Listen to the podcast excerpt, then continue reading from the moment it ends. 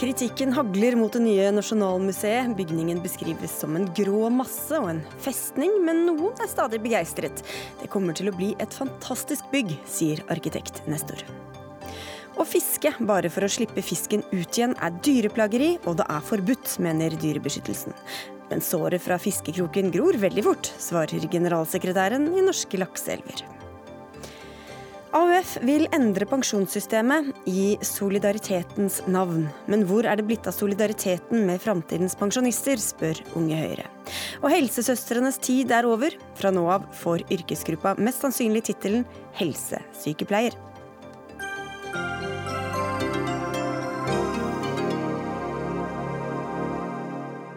Det er mandag, og dette er Dagsnytt 18, og jeg er Sigrid Solund. Et fengsel, en festning som ikke kommuniserer med resten av byen, en grå masse, det er noen av karakteristikkene av norsk kunsts nye storstue. Kritikken hagler nemlig mot det nye Nasjonalmuseet på Vestbanen i Oslo, skriver Aftenposten. Og Erling Dockholm, førsteamanuensis ved Høgskolen i Kristiania og kommentator for arkitektur og byutvikling i Aftenposten. Du er en av eh, kritikerne som mener at dette bygget ikke skulle vært bygd slik det blir bygd i dag. Hvorfor ikke? Ja, det stemmer. Eh, den gangen da det var en arkitektkonkurranse for syv år siden, så gikk jeg gjennom veldig mange av forslagene. Og den gangen så reagerte jeg på juryens beslutning. Jeg syns de valgte en bygning som ikke klarte å gjøre en jobb for byen. Det gjør utmerket eh, arbeid for kunsten og kunstsamlingen, men det ligger på en veldig stor tomt som har vært et dødt areale mellom Aker Brygge og Vika. Og det at dette prosjektet ikke er urbant, at det ikke kobler disse to, og ikke gir byen noe tilbake, det syns jeg var veldig rart. Jeg, jeg, skjønte det ikke, og jeg skjønner det fortsatt ikke. Beskriv litt hvordan det framstår når vi nå ser at det reiser seg. Ja, det fremstår jo som eh, den fasaden som er ut mot um, sjøfronten og mot uh, Rådhusplassen den er jo i veldig stor grad ganske lavmælt og ligger på nivå, i høyde, med de bygningene som er vernet der, de gamle Vestbanebygningene. Som for øvrig burde ikke vært vernet og revet. Eh, og så bygger det seg opp oppover på tomten. Og når den da kommer helt opp til Vika, og bak der, så er det blitt ganske høyt. Eh, og så tar den hele tomten i bredden. Og det blir ingen gjennomgående gate eller trasé. Så du kan si at du tar et, en tomt, og så setter du en bygning på den, og så blir det knapt plass til eh, noe mm. annet. Nils Torp, du er arkitekt, og det er mange som kjenner deg. Du står bak eh, f.eks. Vikingskipet på Hamar, terminalbygget ved Oslo lufthavn, byggetrinn 2 ved Aker Brygge osv. osv. osv. Og du var mye mer begeistret både vel i 2010 og i dag. Hva er det som er så flott med dette bygget, da? Det som er veldig flott med bygget, det er at det tar byens storstue på alvor. Vi har rådhuset midt i, og så har vi Akershus festning, som er det gamle, store monumentet i Oslo. Og så har vi det nye Nasjonalmuseet som balanserer ut det gamle festningsanlegget på en storartet måte. Og så beundrer jeg en arkitekt som klarer å vise en sånn grad av tilbakeholdenhet. Det ville jeg selv aldri kunnet klart. det er nøkternt. Hva sier du? Det er litt nøkternt. Det er, ja, det er ikke bare nøkternt, men det er eh, monumentalt. Og det er veltilpasset det byrom som det kommer inn i. Jeg har sett på noen av de fæle prosjektene til uh, det forrige eh, anlegget som skulle komme der. Hva, hva, var det for noe? Det var noe ja. ja Den gangen du mente det skulle bli bibliotek der? Ja, ikke sant? det var noe svære greier. Høye, klumpete, store ting. Dette legger seg med sin store, rolige masse inn i en god sammenheng. Og så er det det at det er veldig mye utagerende liv på Aker Brygge. Det er veldig mye utagerende liv i Tjuvholmen-systemet og på kaia og på overalt på sjøfronten. Og det betyr at vi trenger ikke nødvendigvis at alle nye bygg skal være utagerende. Man trenger ikke at alle nye bygg skal kunne bevandres på taket. Se til Louvre, som er en perle av en institusjon. Der ligger den gatelangs. Du går mil på mil langs en vakker fasade og vet at Louvre ligger bak. Og så har de et innmari flott inngangsparti som fanger lange køer av turister. Og jeg tror at hvis man ser etter hvert at denne skiferkledde fasaden er norsk og vakker, i sin gjennomførthet, så tror jeg man har noe av denne sjelen til museet. Men det høres ut som dere i hvert fall er stikk motsatt uh, syn på hvordan dette kommuniserer med, med resten ja, jeg, jeg, tror, altså, jeg syns at Nils uh, Torp har mange gode argumenter her. Jeg syns også at skiferfasaden er fin, og jeg ser at den er lavmælt og monumental på sin måte. Men jeg og jeg tror at når du får denne alabasthallen på toppen, og du står på Akershus, så er det et veldig flott prosjekt. Men på gatenivå, og det at du, at du bygger ned en så stor tomt uten å koble to bydeler, det syns jeg er en merkverdighet. Og det er jo ganske mange som etter hvert også har observert dette argumentet. Eh, og, og, det er undres, fordi at dette skal jo ikke bare være noe som balanserer, som Nistorp sier, at vi står der i midten og ser på de ulike elementene. Det skal jo også være en puls i byen byens hverdag. Men det skal vel også være et bygg som tiltrekker seg folk fra hele landet? Det er jo ikke Oslos eh, nasjonalmuseum. Altså, det er for, for, innbyggere i hele landet som skal komme Men når du bygger noe stort nå i en by, så må du tilfredsstille mange behov. Du må tilfredsstille at det blir et veldig flott kunstmuseum som dekker de funksjonene, det tror jeg det blir. Det eneste som jeg syns er merkverdig, er at det ikke kommuniserer bedre med byen. Og jeg tror et hovedproblem er at man lot de to gamle Vestbanebygningene stå der istedenfor å rive dem. Da kunne man fått mye bedre prosjekter. Jeg fikk en sint finger i været her, ja. Her er jeg pukka nødt til å si noen ting. De gamle bygningene som står der, er en form for ornamentikk og skalabryter for hele museet. Og det at man har denne historiefortellingen, skal vi være kjempeglade for. Vi kommer til å være gladere og gladere for det i alle år som kommer. At det var faktisk en liten by en gang hvor det kom noen tassende tog vestfra inn på Rådhusplassen. Og de bygningene blir nå tatt hånd om på den aller beste måten, fordi de får lov å stå foran noe som ikke dreper dem fullstendig. De har en fin, liten skala, fin, liten ornamentikk i sine, sin fasadeoppbygning, og de gjør seg veldig godt i den sammenhengen de står. Jeg syns det er vesentlig mer grunn til å høvle ned på det nabobygget mot Aker Brygge som er kommet opp, en meningsløs glasskasse som ikke betyr noen ting. Jeg syns at det er ille. Nasjonalmuseet syns jeg står fast og godt, og jeg er forferdelig glad for at det er et horisontalt museum, og ikke et vertikalt Munch-museum. Vi skal høre med direktøren for det hele også, Karin Hinsbo. Du er altså direktør ved Nasjonalmuseet. Hvordan er det å, å da skulle lede dette som av noen også blir betegnet som en slags festning, en grå masse, nevnte jeg også? Nå er det jo viktig å si at bygget ikke er ferdig ennå. Det er jo fortsatt en byggeplass. Øh, det tror jeg er veldig viktig å ha med seg. Øh, og når det er sagt, øh, så har jeg egentlig forståelse for at man diskuterer når et bygg plutselig står ferdig. For man bruker lang tid på forberedelsene. Plutselig så hever bygget seg i høyden. Så det er, det er naturlig. Der kommer reaksjoner på det. Og i, uh, i Nasjonalmuseet der syns vi jo uh, egentlig det er flott at der er debatt rundt Nasjonalmuseet. For det viser også at der er et engasjement for det bygget og den rollen som, som, vi skal fylle ut i det nye Nasjonalmuseet. Men er det et bygg som tar mer hensyn til det som skal være inni bygget, enn det som er på utsiden av det og, byen skal kommunisere med? Nå er det jo veldig viktig med et kunstmuseum at det tar hensyn til kunsten. Og det her bygget, det er jo, det er jo litt diskret synes jeg, og det gir veldig god plass til kunsten. Det er viktig med kunstmuseer også at man har gode visningsrom. Uh, vi kan trolig komme i tanke om et enkelt museum eller to som har vært arkitektonisk veldig særpregede, men litt vanskeligere å vise kunsten i. Og her der får vi et museum hvor der er et stort fokus på rommene, og også på kvaliteten i materialene. Og det gjelder både inne i bygget, i utstillingssalene, men også utenpå. Jeg synes Schiffer helt topp. Jeg tror de blir så bra. Men du må komme deg inn, Dokholm. Det er der det skjer. Ja, og det, tror jeg jo også. Men jeg tror at byutvikling i dag, det er slik at det må håndtere mange forskjellige behov samtidig. Og det vi kan i hvert fall reflektere litt over, da. Altså, når noen sier at vi trenger ikke veldig sånn utadvendt eller skrikende arkitektur, men det betyr ikke at den trenger å være inkommunikativ heller. Og hvis dere ser bare på de arealdisposisjonene som er gjort på utearealer her, så vil jeg vil jeg mene at det er ganske diskutable størrelser som det opereres med. Og hvis man ser på hva et byrom trenger, så kan ikke jeg forstå at dette her var det beste prosjektet. Og det syntes jeg ikke den gangen eh, da det var arkitektkonkurranse, men da var, ingen, da var det ingen interesse for det. Og det er veldig rart at da vi virkelig kunne hatt en god debatt, så hadde vi det ikke.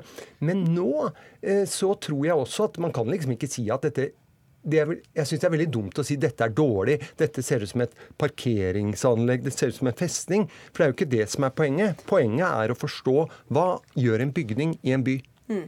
Men for, eh, jeg, Det er sikkert en del som sier at vi diskuterer en Oslo-sak, men dette er jo ikke bare Oslo heller, eh, Torp. Hvor viktig er dette for hele landet? dette bygget? Det er kjempeviktig. Dette er uh, arvesølvet vårt som skal inn i en bygning som skal ha verdighet og monumentalitet.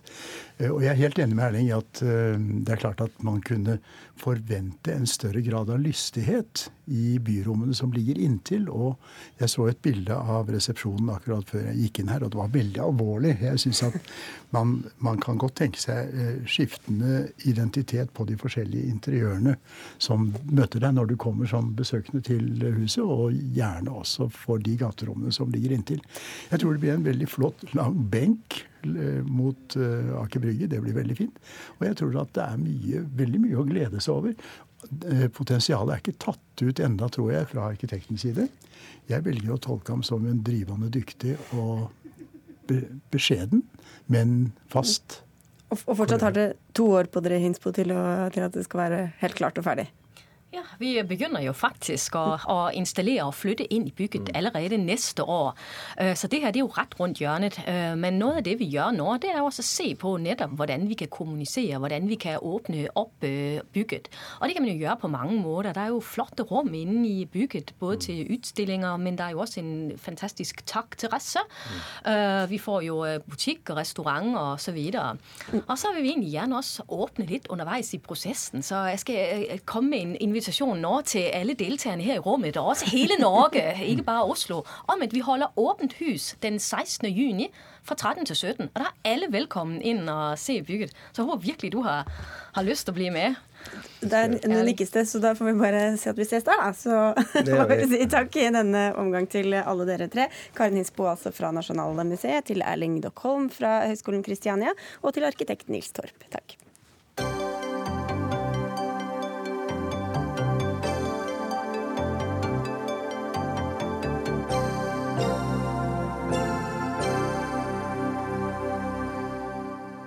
Helsesøstre her til lands skal ikke lenger hete helsesøstre, men helsesykepleiere.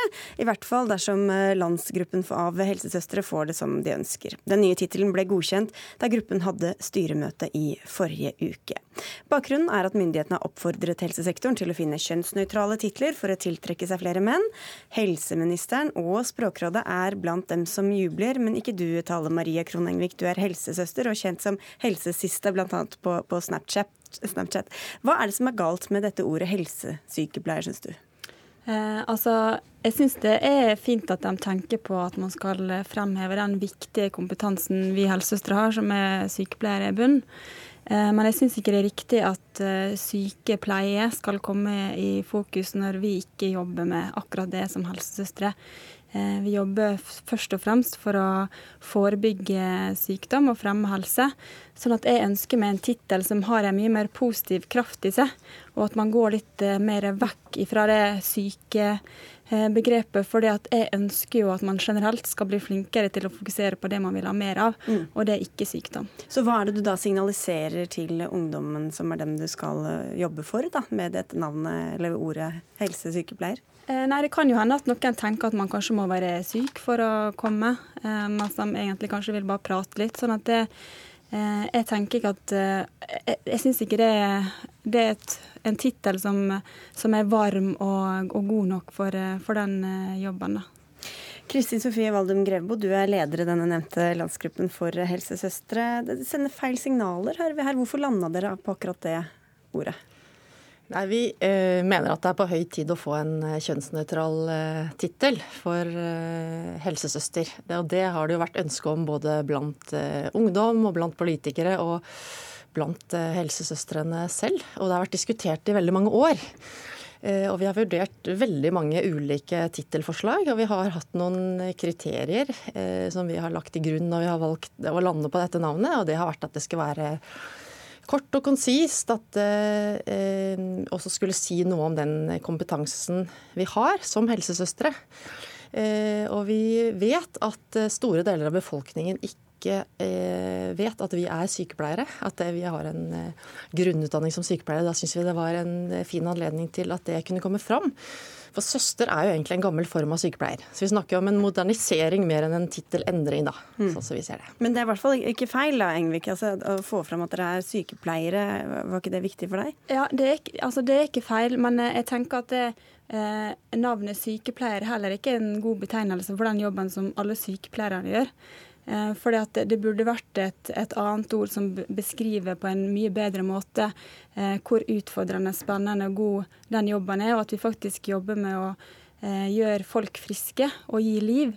Eh, og det er ikke en særlig attraktiv tittel i forhold til det å søke utdanning, i hvert fall ikke for menn, eh, med at, at, at, det heter sykepleie. Sånn at jeg tenker at skal man først endre navn, så kanskje man burde begynne på, i grunnen, da, mm. og endre det navnet før man endrer på helsesøstertittelen. Og en annen ting er at det, eh, ja, det sykesøster eh, var det kanskje det het opprinnelig sykepleier, og så ble, kom helsesøster derfra. Men barn og unge i dag de ser på helsesøsterordet på en helt annen måte. Eh, de ser på det som helsesøster eller helsebror, ser på dem som et familiemedlem, som en person det er trygt å komme og snakke med. Eh, som, eh, som, alltid backer dem og støtter dem, uansett om det er liksom noe godt eller noe vondt de kommer med. Eh, sånn at det, det har ikke samme betydninga for dem nødvendigvis. Jeg, jeg tror også, altså, Helsesøster er jo for hele befolkningen, både barn, unge og familier. Og vi, eh, vi er jo ganske sikre på at eh, altså, ungdom har signalisert at de er veldig opptatt av eh, at de som kommer, har kompetanse til å hjelpe dem med det de, det de kommer for. Eh, så vi, eh, så vi, tenker at det, vi, tenker at det, skal være noe mer enn en, en, venn og en å ha en tett, nær relasjon til. Det skal, skal, være en som har kompetanse.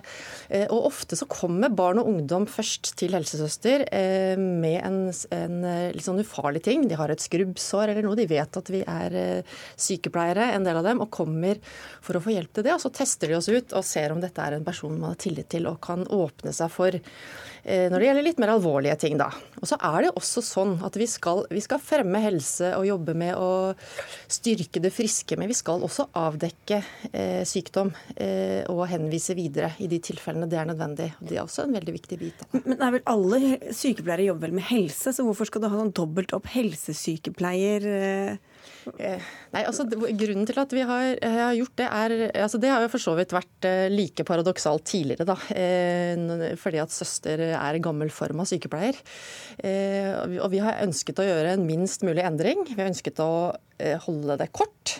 Og når vi har sett på, når vi har gjort en sånn opplisting av alle de oppgavene eh, helsesøstre har, da, så er det liksom helse som blinker ut som sånn, eh, et sånn stort ord, hvis du lager en ordsky.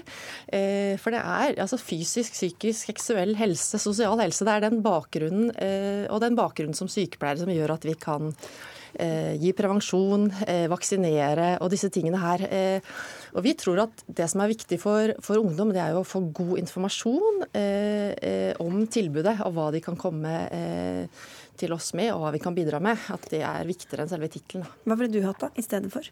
Jeg tenker jo sånn at det burde vært noe med mye mer positiv kraft. Sånn som helse, sykepleier kunne jo hett liksom livsbygger eller friskhetsleder, eller noe på en måte som et, eller annet. Jeg har ikke på en måte et kjempegodt alternativ.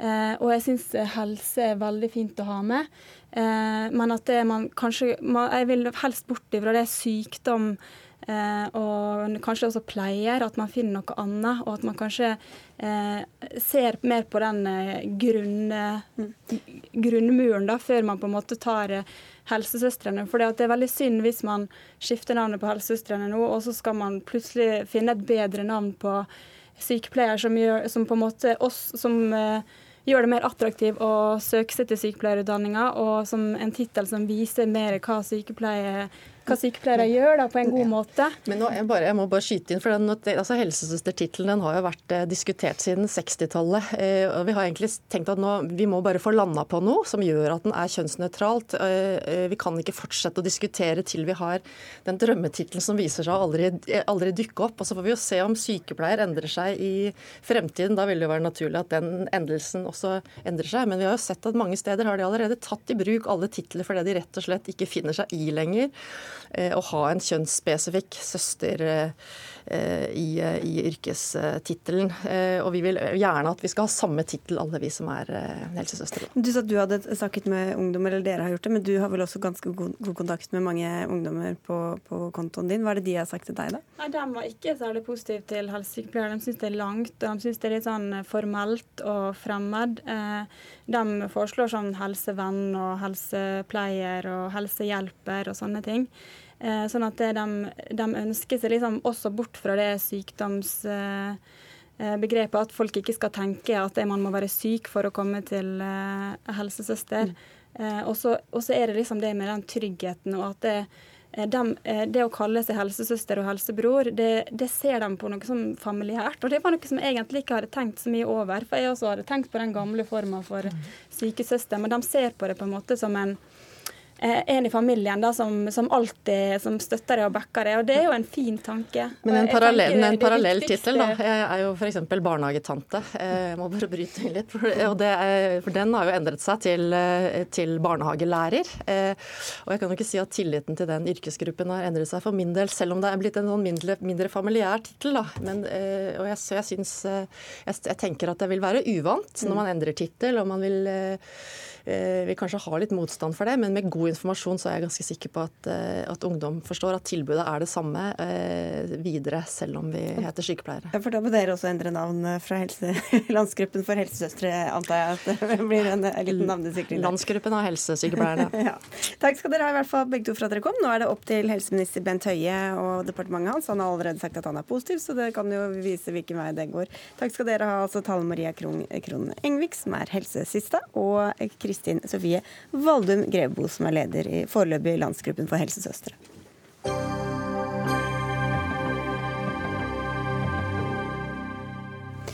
Laksefiske er i gang i de fleste norske elver. Dermed blåses det liv i debatten om catch and release, eller eh, fang og slipp som det jo heter på norsk.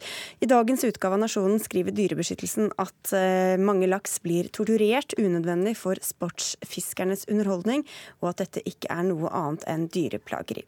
Åshild Rålseth, du er daglig leder i Dyrebeskyttelsen eh, Norge. Hvordan plages fisken av denne praksisen? Vi vet at fisk føler smerte på lik linje med andre dyr. Og det å få en krok gjennom munnen og bli dratt opp og komme på, opp på, i luft, det medfører smerte og mye stress for fisken. Og vi vet også at fisken svømmer saktere etter at den, altså den blir påvirket av det. Det er ikke bare, den, den er ikke helt seg selv igjen med en gang etterpå heller. Men hva er alternativet, da? Nei, Alternativet er jo at man fisker og avliver fisken. Men de fleste vil vel heller leve med et sår enn å dø? Hvorfor er det bedre for fisken å, å, å, bli avlivet enn å bli sluppet ut igjen, selv om man har fått en krok gjennom munnen? Ja, Det er jo noe med det gjentagende. At du fisker, og så drar du, du drar fisken på land, og så kommer den opp i luft, og så tar du ut kroken, og så gjentar du det. ikke sant? Så det gjentagende det er én ting. Det andre er at øh, fisken har en egenverdi øh, som er uavhengig av menneske, altså den nytteverdien det har for mennesket. Og det er en lovfestet rett fisken har. Vi kan komme tilbake til det, men vi skal til deg først, Torfinn Evensen. Du er generalsekretær i Norske lakseelver og representerer altså grunneiere og de som sitter på fiskerettighetene i nesten 80 lakseelver. Hva er, hva er poenget egentlig med å fiske en fisk og så slippe den ut igjen? I Norge så har vi et internasjonalt ansvar i å ta vare på villaksen. og Det er vår panda, og den sliter nå. Det er eh, bestanden har blitt halvert på 30 år. Så nå har ikke det overskuddet å høsta som vi har hatt før. Så da må vi innføre kvoter, vi må ha kortere sesonger.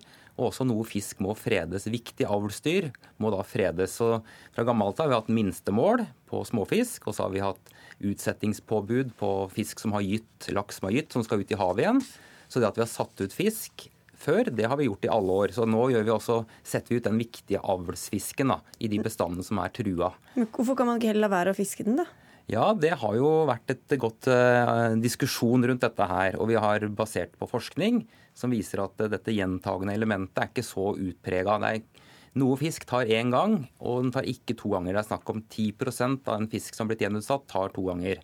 Så det å sette ut fisken, det er et, da, et tiltak for å skåne og få nok avlsdyr.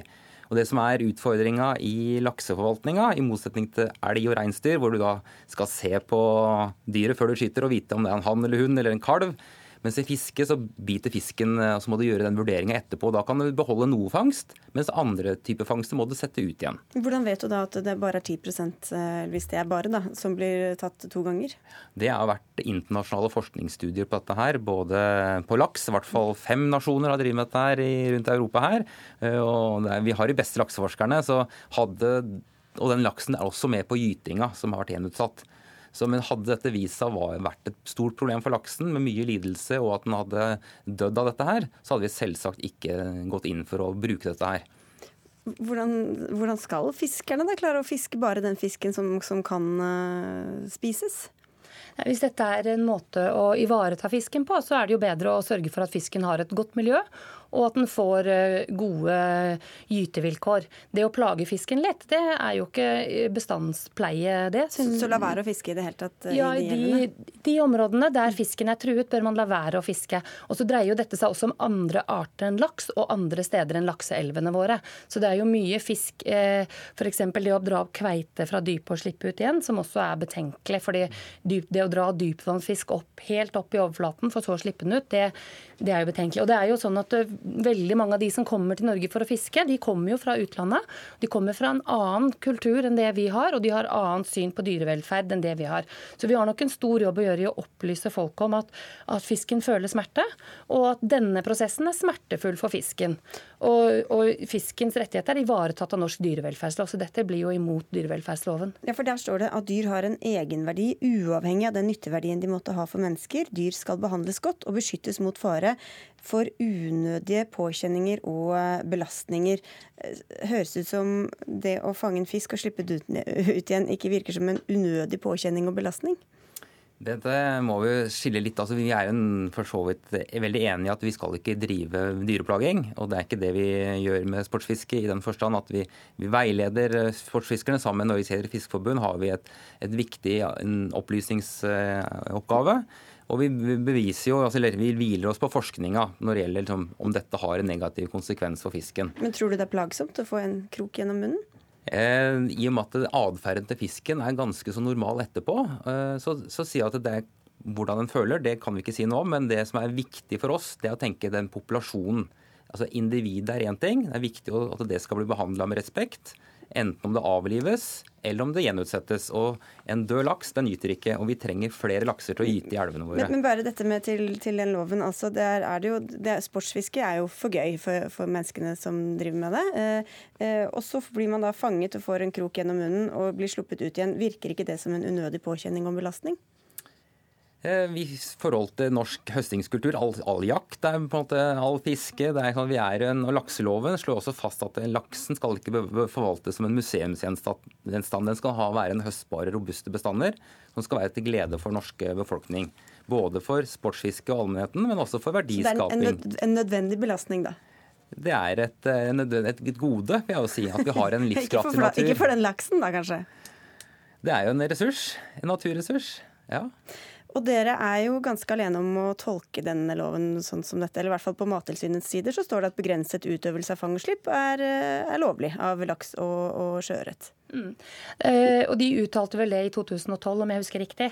Sånn at det er kommet en god del nyere forskning, og det kom noe forskning nå som NTNU har vært med å forske frem. Allerede, eller ble publisert i, i, mai i år, altså for noen uker siden, eh, som viser at laksen endrer atferd, og at den f.eks. svømmer saktere etter at den har blitt utsatt for, eh, for eh, fiske, og, altså det eh, fang- og slippfiske. Og det er klart at en fisk som blir utsatt, eller som svømmer saktere, det kan jo ha mange eh, det kan jo forårsake skade, det, og den kan jo bli da eh, ikke greie å komme seg unna farer, f.eks. Sånn at eh, hvis man ønsker å ivareta en sårbar bestand, så virker det for oss som at eh, denne type fiske ikke er riktig tiltak.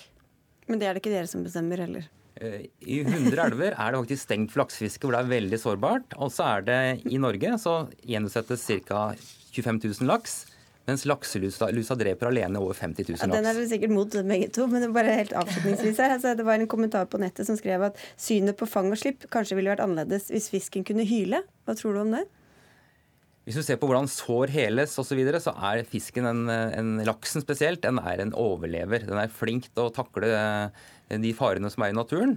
Så jeg tror ikke, jeg tror en laks heller vil komme på gytegrunnen enn å havne i fryseboksen. Dere, vi setter strek der. Takk skal dere ha begge to. Åshild Rålseth, som er daglig leder i Dyrebeskyttelsen Norge, og til deg, Torfinn Evensen, som er generalsekretær i Norske lakseelver.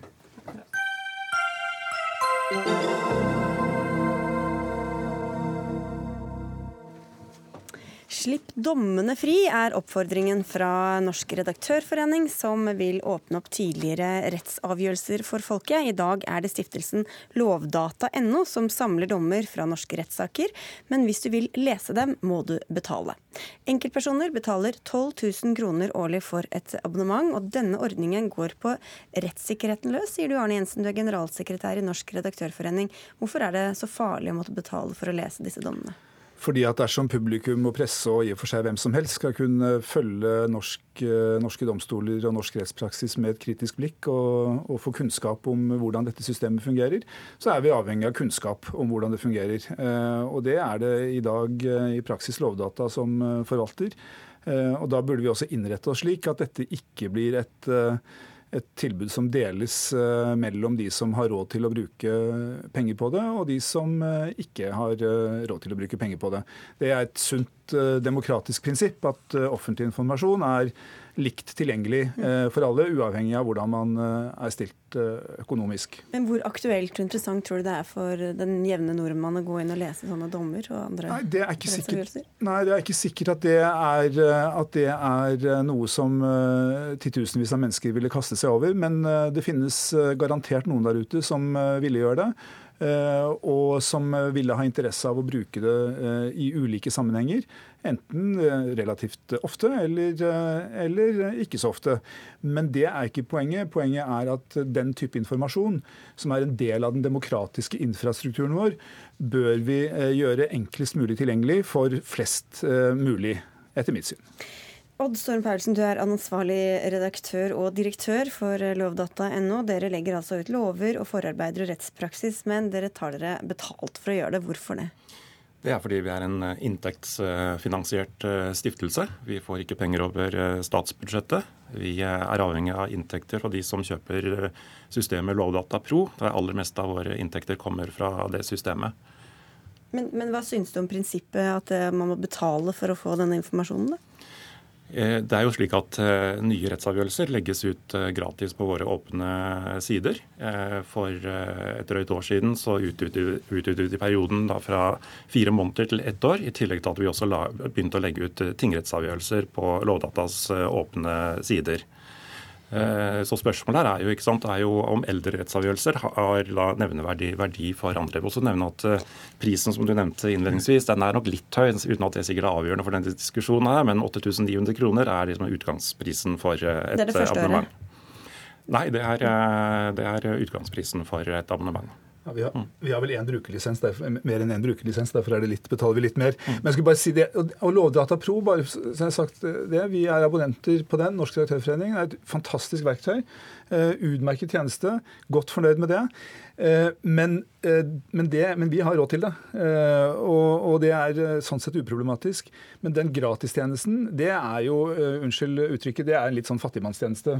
For der har du høyesterettskjennelser og noen lagmannsretts- og tingrettsavgjørelser i ett år. Og så er det stengt. Så så, og det er, det er, der det er noe som mangler. Eh, det mangler et tilbud som kunne gi bedre eh, verktøy for andre enn de som sitter på store ressurser, til å kunne eh, følge med på, på det norske rettssystemet, mener jeg.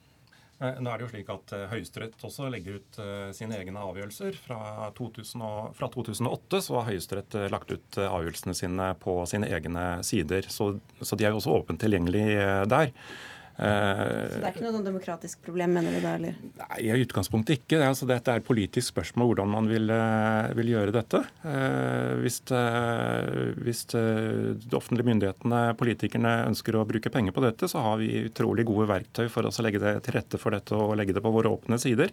Men som sagt, vi er en inntektsfinansiert stiftelse og er avhengig av de inntektene vi får. Vi jeg, skal, jeg slipper slippe til en politiker, men du må jo bare svare på det først, Arne Jensen. Altså, det er en stiftelse som trenger inntekter, så hvordan skal de ha råd til det hvis ikke de får inntektene eller på annet vis? Nei, men det er jo helt korrekt. Det, ikke, det kommer ikke uten en pris. Eh, Og den eh, må du til syvende og sist til politikerne for å, eh, for å få. Men, men det er, debatten nå viser jo litt eh, hvor, hvor galt av sted dette har gått. fordi at eh, Nå diskuterer vi jo den rettslige prosessen som er noe av bakteppet for at vi sitter her, som vi ikke skal eh, gå inn i, det er klar over det. Men, men den handler jo plutselig om penger. Eh, og, og, det, og jeg har jo for så vidt en viss forståelse for det, men, men derfor så må vi også løfte den diskusjonen til, til noe annet. Ja, det var kanskje noen som ble litt nysgjerrig nå. Det, var, det handler om en konflikt mellom dere og et annet nettsted, så vidt jeg, jeg Ja, vet. det er korrekt. Ja. Men eh, Maria Aasen Sensrud, altså vi har jo spurt både Justisdepartementet, eh, som også sitter representert i Lovdata.nos styre, og Frp på Stortinget eh, om å komme i dag. De har takket nei eh, over hele linja. Eh, Maria Aasen Svendsrud, du er eh, medlem i justiskomiteen på Stortinget for Arbeiderpartiet. Hva synes du da om at dette er en sånn betalingstjeneste? Altså, nå må jeg si at eh, Stiftelsen Lovdata den ble opprettet i 1981 og, og har gjort eh, som, som du nevner, en god jobb for oss som forbrukere siden det, og er et fantastisk verktøy. Eh, men så er det jo klart at fra 81 til eh, nå 2018 så har kommunikasjonsbehovet i befolkninga endra seg, og hvordan vi kommuniserer har endra seg. og Da er jeg glad for at vi får ta opp denne debatten nå på ny. Eh, og jeg tenker jo at eh, prinsippet er at eh, eh, altså det er det offentlige som eier loven, og vil si folket. Og folket må ha tilgang til loven, tilgang til dommer, uten at det skal være påkrevd at du må ha en viss størrelse på lommeboka for å kunne, kunne sette deg inn i lovverket vårt. Det er et grunnleggende prinsipp, og viktig for rettsstaten vår også. Eh, så Derfor er jeg glad for at eh, Redaktørforeningen har løfta spørsmålet. Jeg syns det er en god debatt å ta, og kommer nå til å stille et spørsmål til statsråden. både i forhold til rettssikkerhetsproblematikken, men også selvfølgelig i forhold til eh, økonomien knyttet til betalingsmurene, sånn at vi får det på det rene. Og så kan Arbeiderpartiet ta den saken videre og følge opp debatten som er blitt reist, eh, reist her. Hva har dere gjort så langt, da? Ja, nå I første omgang så stiller vi et spørsmål om Dere har ikke gjort noe fram til nå? Nei, nå har debatten kommet opp, og det er jeg glad for. Eh, Vi fra Arbeiderpartiet er glad for at denne debatten har kommet opp. Vi syns det er viktig at vi tilrettelegger for at eh, folk har tilgang til lov og dommer. Det er folkets lover og dommer, og det må selvfølgelig enkeltmennesker ha mulighet til, uansett eh, hvor mye penger du har. Men, men dere har ikke vært så bekymra at dere har liksom tatt grep i alle årene som har gått siden 1981? Nei, det har jo vært en utvikling siden 1981 i forhold til hva som er behovet i befolkningen. Og, jeg tenker at eh, det er godt at vi har aktører som eh, Redaktørforeningen som løfter debatten, sånn at vi også nå kan ta tak i den og gå inn i Stortinget. Først eh, ansvarliggjøre statsråden, stille spørsmål rundt både prinsippene og økonomien, for så å eventuelt ta det videre når vi får rammen for hele problemstillinga.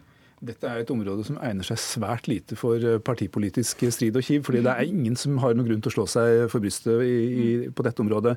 Og så synes jeg, Hvis man først skal ta den diskusjonen, og det er en viktig debatt, så syns jeg justiskomiteen skal forsøke å, å løfte den eh, litt opp. Fordi vi har et rettssikkerhetsproblem mener jeg, gjennom hele eh, rettskjeden.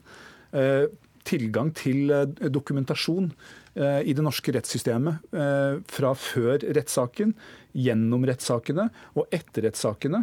Eh, Vi har f.eks. ikke noe system for dokumentasjon av hva som faktisk skjer i norske rettssaler.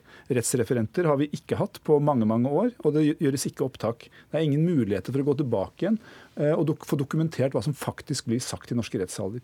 Dette er en del av et større rettssikkerhetsproblem som jeg mener krever en grundig diskusjon, som justiskomiteen burde ta.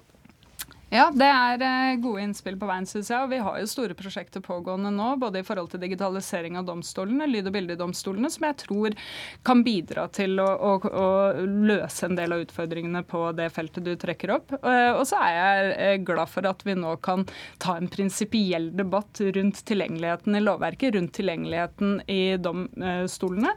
For folk generelt. Men bare den, den, jobben dere gjør nå da, Storm Paulsen, hva koster den? Hva hadde det kostet det offentlige å finansiere dere? Ja, I forbindelse med denne saken som ikke vi skulle komme inn på, da, så har vi jo gjort eh, noen vurderinger av det når det gjelder Høyesterett, gjennom de årene vi har behandlet høyesterettsavgjørelser. og Dette kan liksom se ut som praktikaliteter og enkle ting som vi holder på med. Eh, og inn på hele den prosessen og hvordan vi behandler avgjørelsene fra de kommer inn til oss og inntil vi publiserer dem. Anonymiseringsprosessen ikke minst eh, i dette her. Det er mangfoldige titalls årsverk og, og, og flere titalls millioner kroner. Ja, 40-50 millioner eller noe sånt nå for i året? Det var vel årsverk vi, eh, ja. Ja, på høyesterettsavgjørelser. Og gjennom de årene vi har behandlet dette, så var det vel ca. 50 årsverk vi eh, kom fram til. Men hvis mm. du får det som du vil, Arne Jensen, så blir det mye dyrere med, hvis det skal være, åpnes opp i alle ledd? Ja, Det blir dyrere for samfunnet. ja. Vi må antageligvis betale mer, bruke mer penger på Lovdata enn vi gjør. Men da vil vi til gjengjeld få et eh, system som vil være rettferdig, i den forstand at det vil være likt for alle. Og at det ikke bare er de som har som har eh, litt penger å slå i bordet med, som kan sikre seg tilgangen til dette utmerkede verktøyet. Og Så kan det finnes mellomløsninger mellom det som i dag er Lovdata Pro og det som er, eh, er fattigmannsløsningen. Eh, det er også en mulighet, hvor du har noen mellomnivåer. Lovdata Pro er et svært avansert verktøy. Som, som jo de profesjonelle aktørene setter stor pris på, men som, som, som, kanskje er mer avansert enn det som man må for å oppfylle et mer rimelig demokratisk krav. Men Det er jo en diskusjon som man eventuelt får ta. Men det er en spennende diskusjon. Så får vi se hva justisministeren svarer på spørsmålet deres da, i første rekke. Det får vi gjøre. Takk skal dere ha, i hvert fall alle tre for at dere kom hit til studio. Maria Aasen Svendsrud fra Arbeiderpartiet i eh, justiskomiteen. Arne Jensen, generalsekretær i Norsk redaktørforening, og Odd Storm Paulsen, som altså er ansvarlig redaktør for lovdata.no.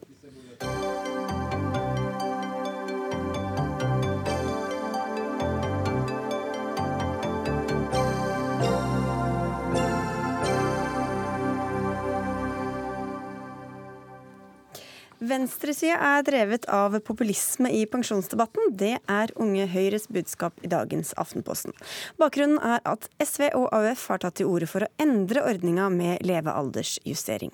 Den går ut på at pensjonen justeres etter forventet levealder. Forventes det at du lever til du er 90, får du jevnt over mindre pensjon i året enn om du er forventet å leve til du er 80 år. Og Sandra Bruflot, du er leder i Unge Høyre. Hvorfor er AUF populistiske fordi de vil gjøre noe med det her? Jeg syns eh, det er populistisk at man vil endre pensjonssystemet etter det som til enhver tid er bra for pensjonistene. Eh, det føyer seg inn i rekken av et par andre forslag, bl.a. at man skal endre pensjonssystemet slik at det ikke lenger tar utgangspunkt i lønnsvekst minus 0,75, og så er det veldig teknisk. Det diskuterte vi for noen dager siden, så vi ja. tenkte vi skulle holde oss til dette med levealdersjustering ja. i denne eh, bolken her. Poenget mitt er at det føyer seg inn i rekken av flere ting som man foreslår som er veldig kortsiktige, enkle løsninger som jeg tror alle kan være enig i, fordi det høres veldig fornuftig ut. Problemet er at eh, disse forslagene, og spesielt summert opp eh, i tillegg til hverandre, gjør at man tømmer kassa med penger. Det gjør at når eh, Ina og jeg en dag skal pensjoneres, så er det mindre penger igjen til vår pensjon. Og det mener jeg, er, eh, jeg mener det er litt eh, lettbeint og litt lettvint, og jeg mener også at det er populistisk. Ina, det er deg. Det er da Ina Rangenes Libak, du er nestleder i AUF.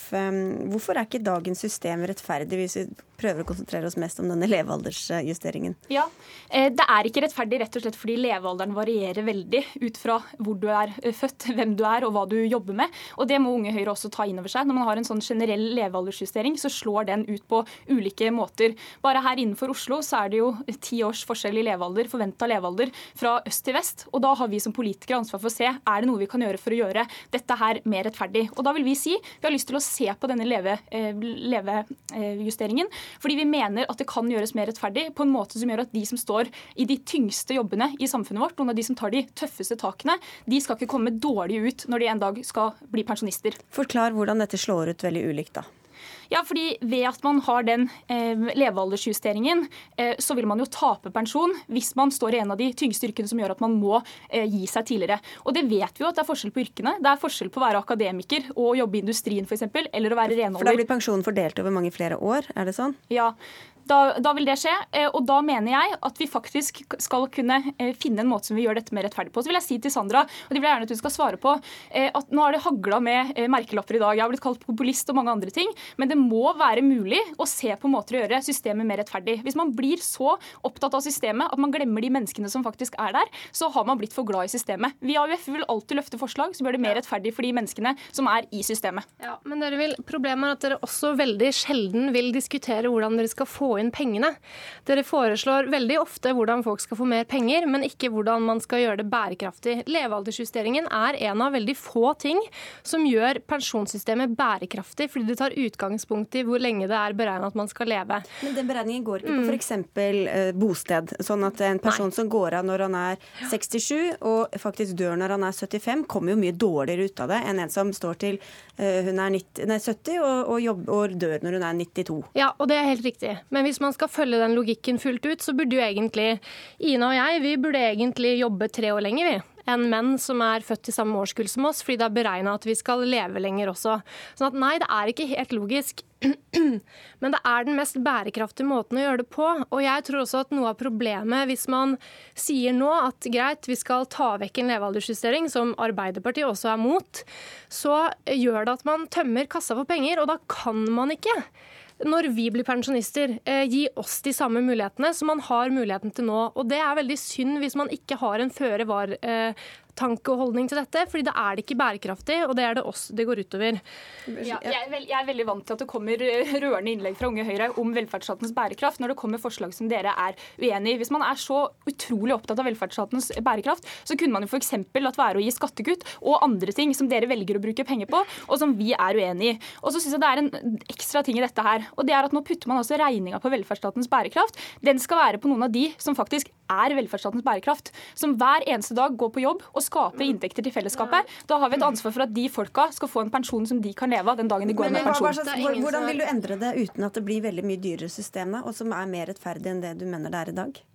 Ja, Det er det jo mange måter man kan gjøre på. Det aller viktigste vi gjør for det, det er jo at det er flere som må være i jobb. Og så skal jeg være så ærlig at jeg vil si at vi kommer ikke med noe fasitsvar nå på hvordan vi skal gjøre dette. Dette er nettopp fordi det er vanskelig. Men det jeg syns er dumt, det er at når vi kommer med et forslag på at vi må se på dette her, som jeg mener det er veldig viktig å gjøre, så avfeier Unge Høyre det før vi det hele tatt har begynt å snakke om det.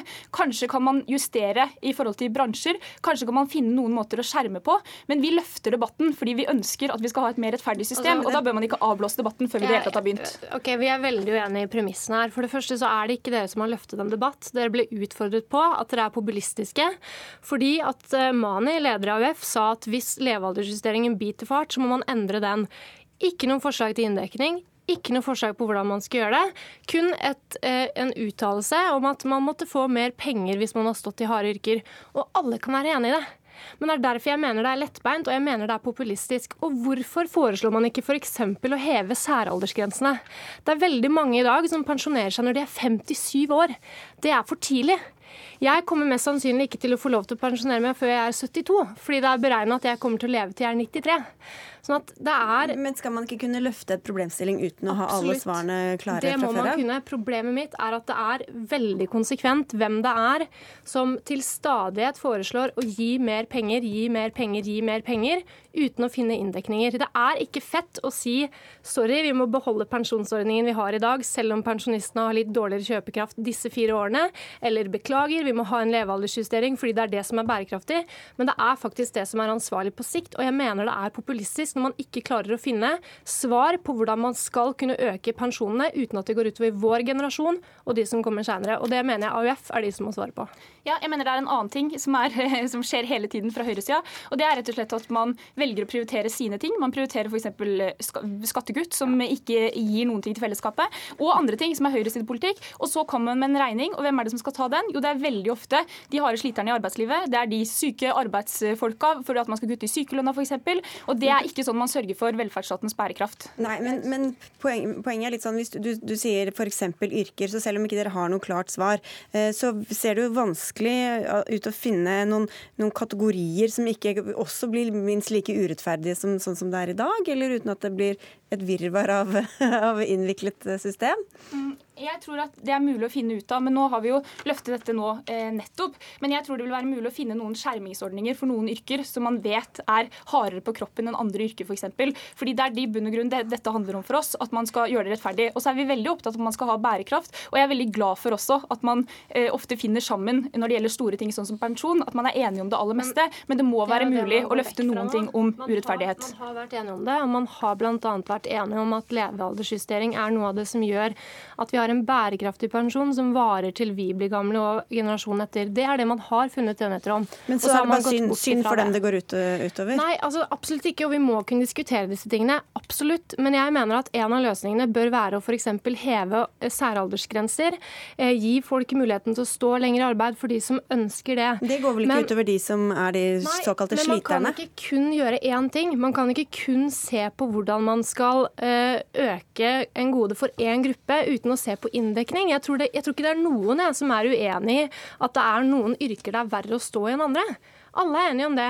Så er spørsmålet hvordan man skal løse det. Og jeg tror ikke at å fjerne en levealdersjustering er løsningen, men selvfølgelig kan man differensiere. Og til det med skattelettelser. Å øke skattene til de som skaper verdier, for å gi det til de som aldri skal okay, jobbe igjen, det er ikke bærekraftig. Slagord fra begge to her. Veldig veldig kort på tampen. Bare det aller siste, da. Så hvis Sandra fra Unge Høyre er veldig opptatt av at vi som er unge også skal få en pensjon å leve av, så vil jeg se på våre forslag som f.eks. går på pensjon fra første, første krone. Det er en kjempeviktig ting. Vi kommer til å bytte jobb. Nei, for vi, nei, det gjør det ikke for å man komme må få en pensjon å leve av også hvis man jobber midlertidig eller innenfor Dere, takk skal dere ha. Ja, dere får gjøre det. Takk skal dere ha at dere kom, i hvert fall Ida Ragnes Libak fra AUF og Sandra Bruflot fra Unge Høyre.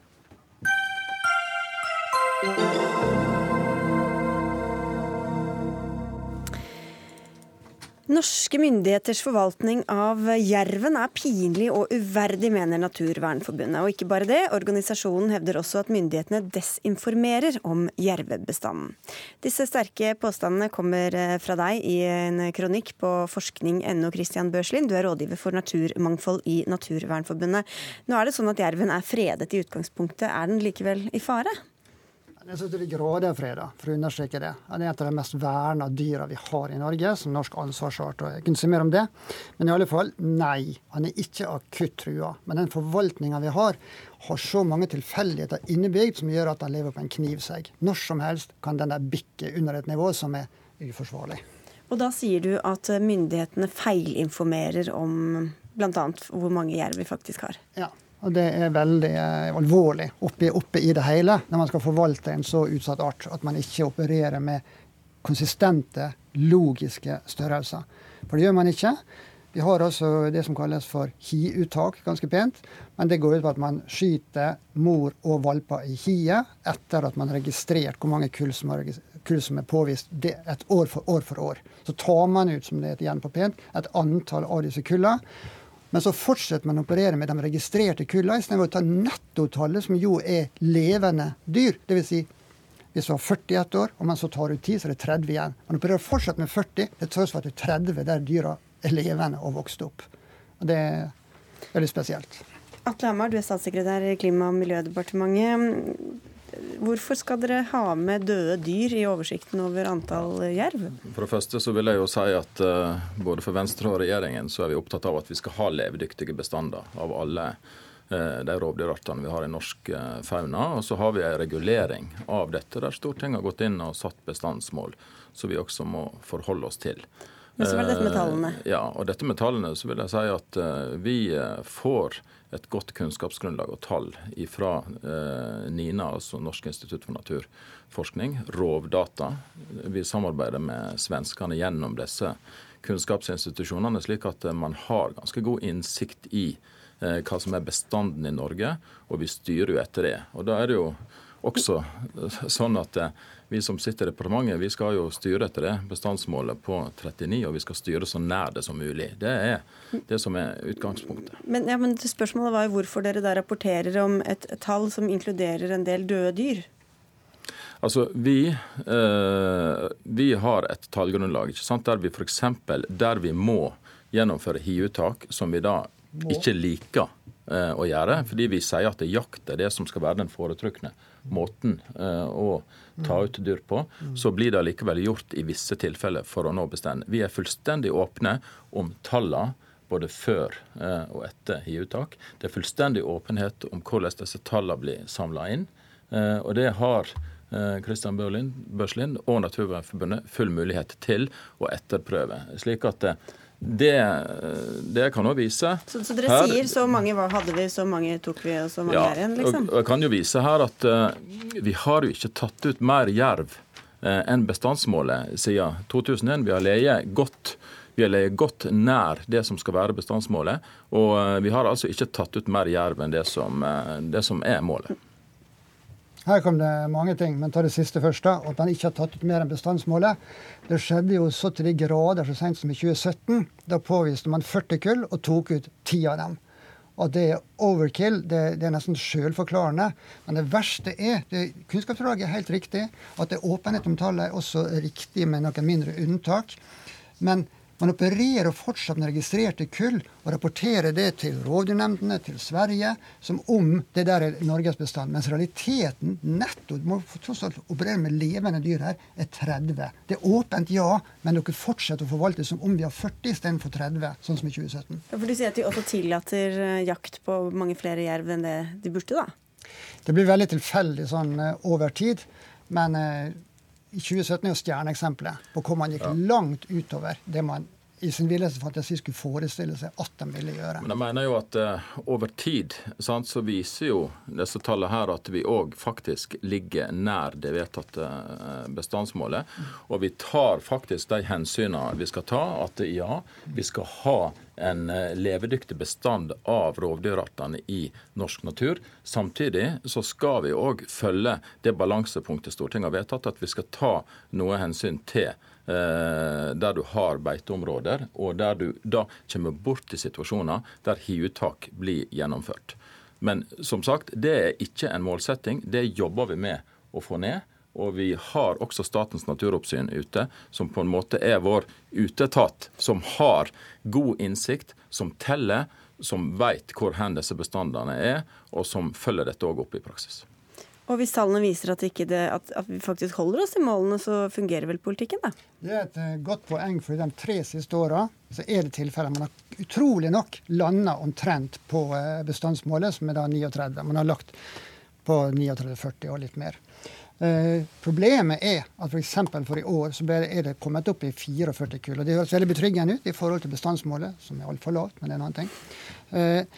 Og da hvordan er det mulig når man tok ut så urimelig mange dyr i 2017? Det er bare to forklaringer. Det ene er og man vet ikke hvor mange, men det er forskjellig hvor stor andel av bestanden som yngler hvert år. Noen år er det mange pga. næringstilgang, andre ganger er det veldig få. Den andre forklaringa er innvandring fra Sverige. Som er en helt uforutsigbar størrelse, men det gjør at vi berger på en måte målet også denne gangen mot oss Miljødirektoratet ble overraska når det ble så mange ynglinger, men det, hand, eller kull da, men det handler om at man har en innvandring fra Sverige. Og det er problematisk. Hvorfor det? Fordi Sverige har sine mål for hvor stor bestand Sverige skal ha. De har ordentlige mål. Levedyktighetsmål som er biologisk forankra, ikke politisk som i Norge. Men det er ikke Atles eller Hamar sitt eh, ansvar. Men, men sånn er det nå. Og I Sverige sier de at de skal ha 600 dyr for å ha en livsdyktig bestand. De, de har ansatt 522, de ønsker å øke det. Istedenfor har de en lekkasje til Norge som gjør at vi opprettholder terminnivået vårt. Men vi undergraver også Sveriges målsetning ved å forvalte våre hjelp sånn som man gjør. Nå sa jo Kristian at uh, Rovdata samarbeider òg med eh, svenske myndigheter og svenske kunnskapsleverandører om dette, nettopp for å få en oversikt. Og vi vet jo at disse dyra vandrer over grensene. Så det er jo et faktum. Men vi prøver på ingen måte å sminke tallene i Klima- og miljødepartementet. Vi forholder oss til at dette skal være åpent, det skal være transparent. Det skal være en innsikt for alle som vil ha den innsikten. Vi teller før og etter hiuttak, som jeg har sagt. Og vi har en veldig god, eh, altså vi har en god regulering i forhold til at vi treffer så nær bestandsmålet Stortinget har sagt som mulig. Og så er vi alle enige om at vi skal finne den gode balansen mellom å ha disse rovdyrene i norsk eh, fauna, og samtidig også ivareta andre interesser. Det prøver vi hver eneste dag å gjøre på beste okay. måte i Klima- og miljødepartementet. Da får du ti sekunder for slutten. Og Det gir meg en mulighet til å påvise selve nøkkelsvikten i resonnementet ditt, som går på at vi oppgir til Sverige sånn og sånn. Vi oppgir ikke nettotallet. Og det gjør at Norge og Sverige man har en felles forvaltning, man skal ha et felles bestands, bestandsoverslag. Men når vi oppgir en andel med dyr som er tatt Sorry, ut vi må avslutte. Altså, vi takker for oss, Dag. Dørum Finli og jeg, Sigrid Solund, takker for oss og ønsker en fin kveld.